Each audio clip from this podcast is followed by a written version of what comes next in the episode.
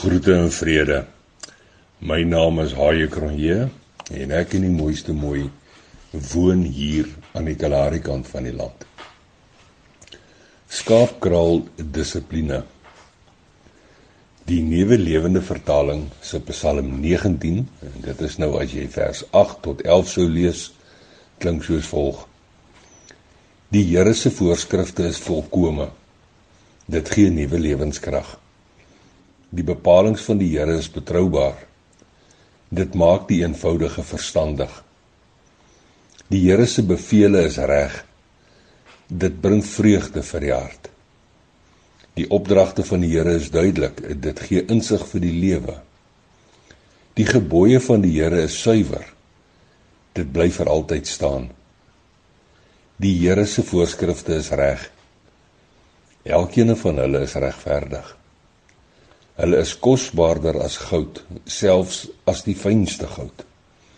Hulle is soeter as heuning, as druppels uit 'n heuningkoek.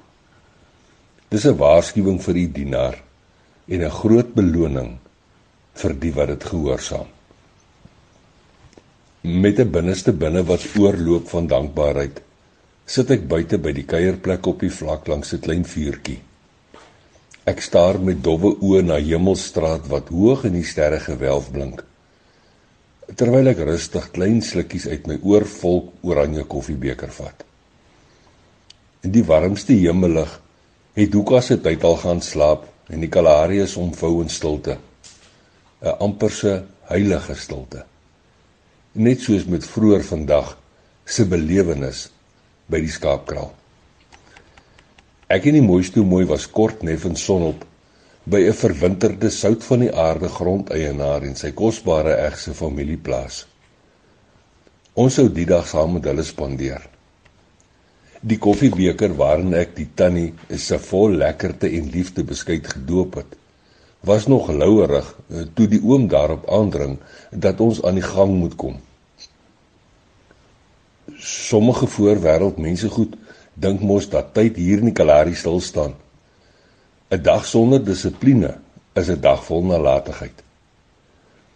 Hy loop so 'n paar tree en gaan gaan dan voort. Elke dag het net soveel ure om alles klaar te kry.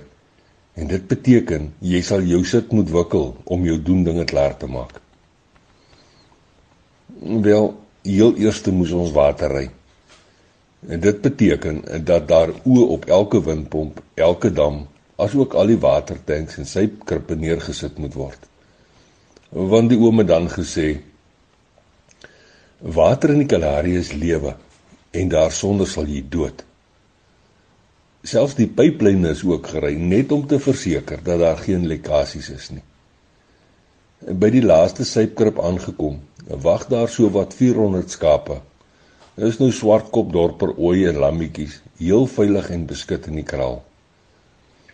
Hierdie klompie skape is reeds vroegdag deur 'n verwinterde sout van die aarde plaasboer so twee getroue regterhande bymekaar gemaak.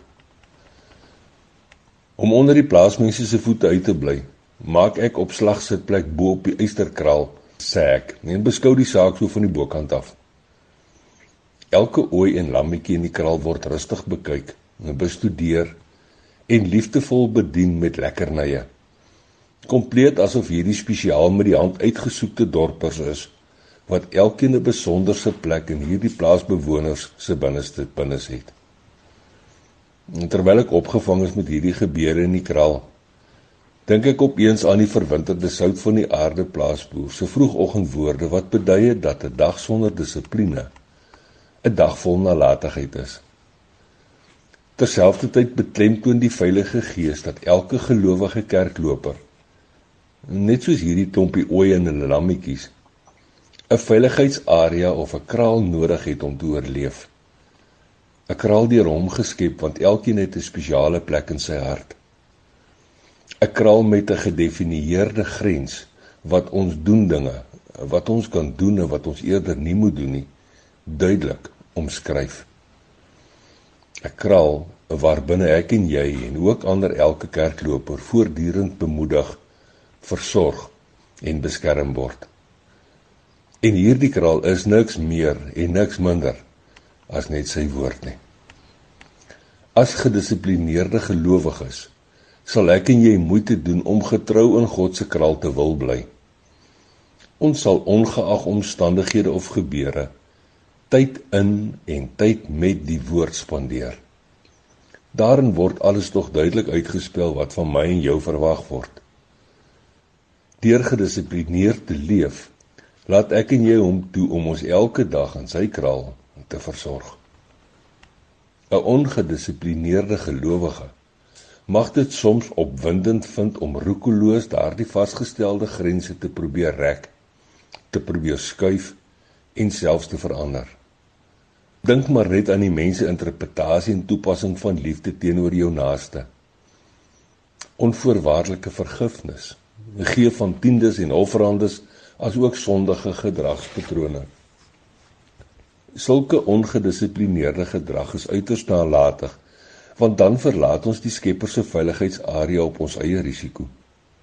Nodeloos om te sê dat buite ons Skepper se kraal 'n woeste en genadeloose wêreld vol allerlei wrede ongediertes op ons wag. 'n Rukkie later in die sekelmaan beweeg stadig tussen die blink sterre gewelf deur. So al asof hy daarmee wil bevestig dat dit vir die Skepper van hemelgoed en stofaarde belangrik is dat ek en jy en ook ander elke kerkloper gedissiplineerd binne die grensdrade van sy kraal moet leef. En daar Daar kan ons onverdiende genade en 'n hemelse vrede beleef. Nes die dorper oeye en die lammetjies van vroeër vandag. Nou ja toe, tot 'n volgende keer. Mooi loop en sandkorrel by seëninge.